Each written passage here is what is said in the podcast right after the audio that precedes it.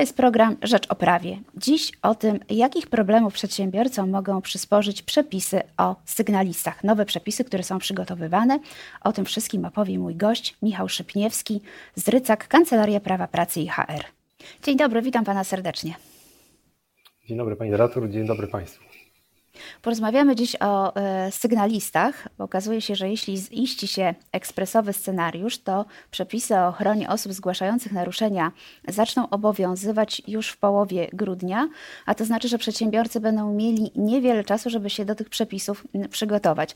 Zanim jednak zaczniemy mówić o szczegółach, proszę wyjaśnić naszym widzom, o kim myślimy, gdy mówimy sygnalista. Y, dokładnie, no, na pewno czasu będzie niewiele. Prawdopodobnie 17 grudnia mają wejść w życie te przepisy. No, na ten moment y, no, zobaczymy, czy w ogóle się udaje uchwalić. W każdym razie, jeżeli chodzi o definicję sygnalisty, to jest to osoba, która zgłasza naruszenie przepisów prawa lub względnie dokonuje ujawnienia publicznie się skoncentrowali właśnie na tym zgłaszaniu naruszenia przepisów prawa w kontekście w związku z wykonywaną pracą. Prawda? Więc mówimy o tego typu naruszeniach, o których e, osoba może po prostu podjąć, może powziąć pewną wiadomość właśnie w związku z pracą. Sygnalista, oczywiście takie pierwsze nasze skojarzenie to jest no, donosiciel, prawda, niejako tak jakby troszkę też historycznie uzasadnione. Od donosiciela, sygnalista że kieruje się takim interesem publicznym. Mianowicie w przeciwieństwie mm, do właśnie do, do nosiciela, który kieruje się interesem takim stricte indywidualnym, prawda? Czyli ta pewna taka cechuje się no, troszkę złą wiarą, podczas gdy sygnalista, no to jakby kierują nim bardziej takie szczytne, szczytne idee. Mhm. A jak przedsiębiorcy powinni mm, przygotować się do tych nowych przepisów? Od czego powinni zacząć? Bo zakładamy, że one no, wcześniej czy później jednak zaczną obowiązywać.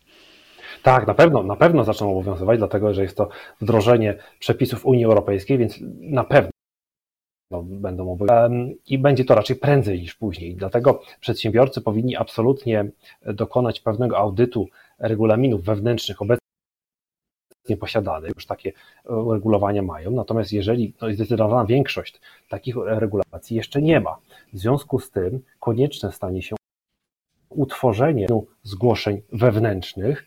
Regulamin zgłoszeń wewnętrznych to będzie taki no, serce procedury o charakterze wewnętrznym, dlatego że w pierwszej przepisy dają prymat temu właśnie zgłoszeniu wewnętrznemu, czyli sygnalista w pierwszej kolejności powinni rozważyć zgłoszenie wewnętrzne.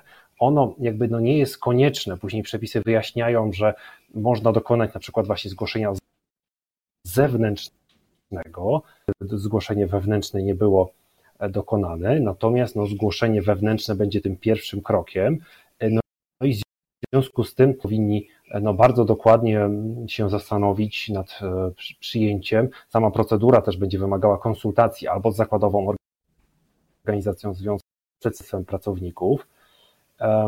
No i tutaj będą, jest szereg decyzji o charakterze takim biznesowym do podjęcia, kto dokładnie będzie podmiotem upoważnionym do przyjmowania zgłoszeń. No to nie może być taka zupełnie jednak, umówmy się, randomowa osoba. I w dalszej kolejności regulamin zgłoszeń wewnętrznych będzie właśnie szczegółowo opisywał procedurę i warunki zgłoszenia wewnętrznego. Więc to jest e, to, co na pewno przedsiębiorców e, nie ominie. Przepisy przewidują również możliwość zgłoszenia publicznego. O co chodzi? Tak, zgłoszenie publiczne e, to będzie forma po prostu rozpowszechnienia wiadomości, o której sygnalista powziął wiadomości w kontekście z wykonaną pracą w charakterze e, po prostu no, publicznym. To może przyjąć różną formę. Tutaj to przepisy tego nie, nie, nie definiują. Może być jakieś ogłoszenie, no, najpewniej w, czy w internecie, e, czy w, w prasie, czy wystąpienie w telewizji. W ten, ten sposób tutaj rozumiemy ujawnienie publiczne. E, co czyli, istotne, na przykład, czyli, czyli na przykład jest jakiś program telewizyjny, ktoś zostaje zaproszony, rozmawia dwóch gości i w tym momencie dochodzi do e, ujawnienia jakiejś informacji. Wtedy mamy mm, to ujawnienie publiczne. Tak, ta, tak, w taki sposób może wyglądać ujawnienie publiczne. Co istotne, tutaj sygnaliści w pierwszej kolejności zostaną zobowiązani do wykorzystania od procedur wewnętrznych, o których żeśmy powiedzieli, czy też nawet zewnętrznych. Natomiast w trzech wyjątkowych sytuacjach, kiedy na przykład będzie zagrożenie interesów będzie tak duże, będzie można również skorzystać z ujawnienia publicznego bez wcześniejszego tutaj zgłoszenia wewnętrznego czy zewnętrznego. Więc mówiąc tutaj krótko, ujawnienie publiczne będzie również możliwe w przypadku wyjątkowych sytuacjach, gdy te wcześniejsze procedury po prostu e, nie będą musiały być wykorzystane. A proszę powiedzieć, czy taki sygnalista, gdy zgłasza naruszenia, to robi to anonimowo, czy musi się ujawnić? To, czy sygnalista będzie mógł dokonać zgłoszenia anonimowo, będzie zależeć od regulaminu zgłoszeń wewnętrznych. Czyli to pracodawcy podejmą decyzję, czy będą rozpatrywać zgłoszenia anonimowe. Mówiąc tutaj jakby jeszcze może inaczej, e, to jakby tutaj zależy od tego, jaką przyjmiemy optykę w regulaminie zgłoszeń wewnętrznych. No można przyjąć, że taką dobrą praktyką będzie, aby te zgłoszenia e, anonimowe również przyjmować. Mhm. Natomiast no nie ma takiego obowiązku i to będzie zależeć od e, pracodawcy, a konkretnie od postanowienia regulaminu zgłoszeń wewnętrznych. A nie ma takiego zagrożenia, że te dane sygnalisty zostaną ujawnione? No, oczywiście właśnie te procedury powinny być tak um, skrojone na miarę, żeby ryzyko pewnego wycieku danych, no, no zawsze jest takie ryzyko jakby, tak? Tutaj um, oczywiście ustawa, projekt, na ten moment jeszcze projekt ustawy y, przewiduje um, ochronę danych osobowych, w zakresie takim, jakim odwołuje do rozporządzenia o ochronie danych osobowych. Więc tutaj no, można by przyjąć, że zarówno przepisy Unii Europejskiej, jak i przepisy polskie no, widzą to ryzyko. No, w praktyce można sobie wyobrazić, że będzie to bardzo trudne, natomiast no właśnie tym bardziej już na tym etapie trzeba, projektując te rozwiązania, trzeba to wykonać w taki sposób, aby to ryzyko zminimalizować. Mhm. A czy to prawda, że polski ustawodawca zamierza lepiej chronić przedsiębiorców i zleceniobiorców niż pracowników?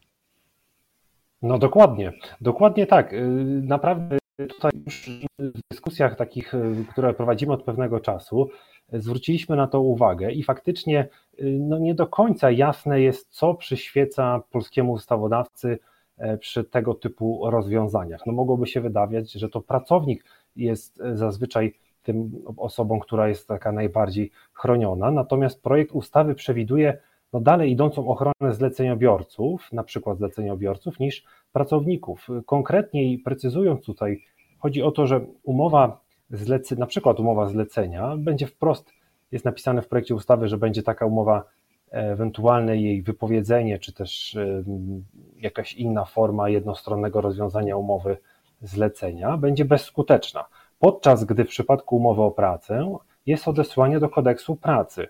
Y, tutaj prawo pracy y, taką konstrukcję wiernie powiela, mianowicie y, ewentualne wypowiedzenie nie będzie właśnie bezskuteczne. Ono zawsze będzie skuteczne. Zawsze będzie skuteczne, choć oczywiście wtedy pracownik będzie mógł się odwołać do sądu, do sądu pracy, ale jakby na moment doręczenia tego wypowiedzenia ono będzie skuteczne. Więc faktycznie, e, tak jak pani redaktor mówi, jest, że e, zlecenia czy też inne formy współpracy będą lepiej chronione niż umowa o pracę, no, co jest zaskakujące jednak.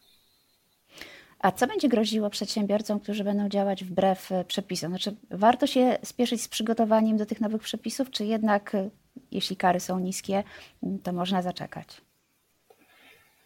No kary na pewno nie są niskie. Tutaj prawo Unii Europejskiej wręcz wymaga, aby te kary były odstraszające.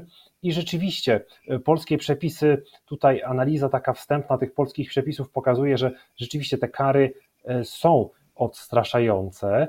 E, tutaj wystarczy tytułem przykładu podać, że za utrudnianie dokonania zgłoszenia, czy też za niestworzenie tej procedury wewnętrznej, w tym między innymi regulaminu zgłoszeń wewnętrznych, będzie to kara do kary pozbawienia wolności do lat trzech włącznie. Więc tutaj e, no, bardzo daleko idąca, e, no wręcz drakońska można by powiedzieć, e, kara dla pracodawców, którzy jakby z różnych przyczyn no, nie zdążą, czy też w ogóle nie podejmą nawet próby wdrożenia systemu ochrony osób zgłaszających naruszenia prawa, czyli właśnie sygnalistów. Na koniec proszę powiedzieć, oczywiście z informacji, które Pan posiada, czy polski biznes jest choć trochę przygotowany do tych nowych przepisów? Tak, z naszego doświadczenia wynika, że częściowo tutaj już niektórzy nasi też klienci wiemy, że mają takie procedury e, związane z compliance i w związku z tym faktycznie część biznesu w jakimś stopniu sygnalistów. E, natomiast e, tutaj mało która spółka rzeczywiście już teraz ma wdrożone te wszystkie procedury, które są wskazane w projekcie ustawy. I w związku z tym y, można tutaj zaryzykować taką tezę, że, że na pewno no, większość y, przedsiębiorców w związku z tym no, będzie miało do wykonania pewną pracę domową. I to jest raczej praca domowa y, takiego większego kalibru. I do tego właśnie zagrożona, no mówię, do kary pozbawienia wolności do lat trzech włącznie, więc faktycznie dosyć daleko idące, dosyć daleko idące konsekwencje. Drodzy Państwo, nie warto zatem czekać. Trzeba pomyśleć o wdrażaniu nowych procedur. Dziękuję serdecznie za rozmowę. Moim gościem był Michał Szypniewski z Rycak, Kancelaria Prawa Pracy i HR. Bardzo dziękuję, bardzo dziękuję Pani redaktor, bardzo dziękuję Państwu.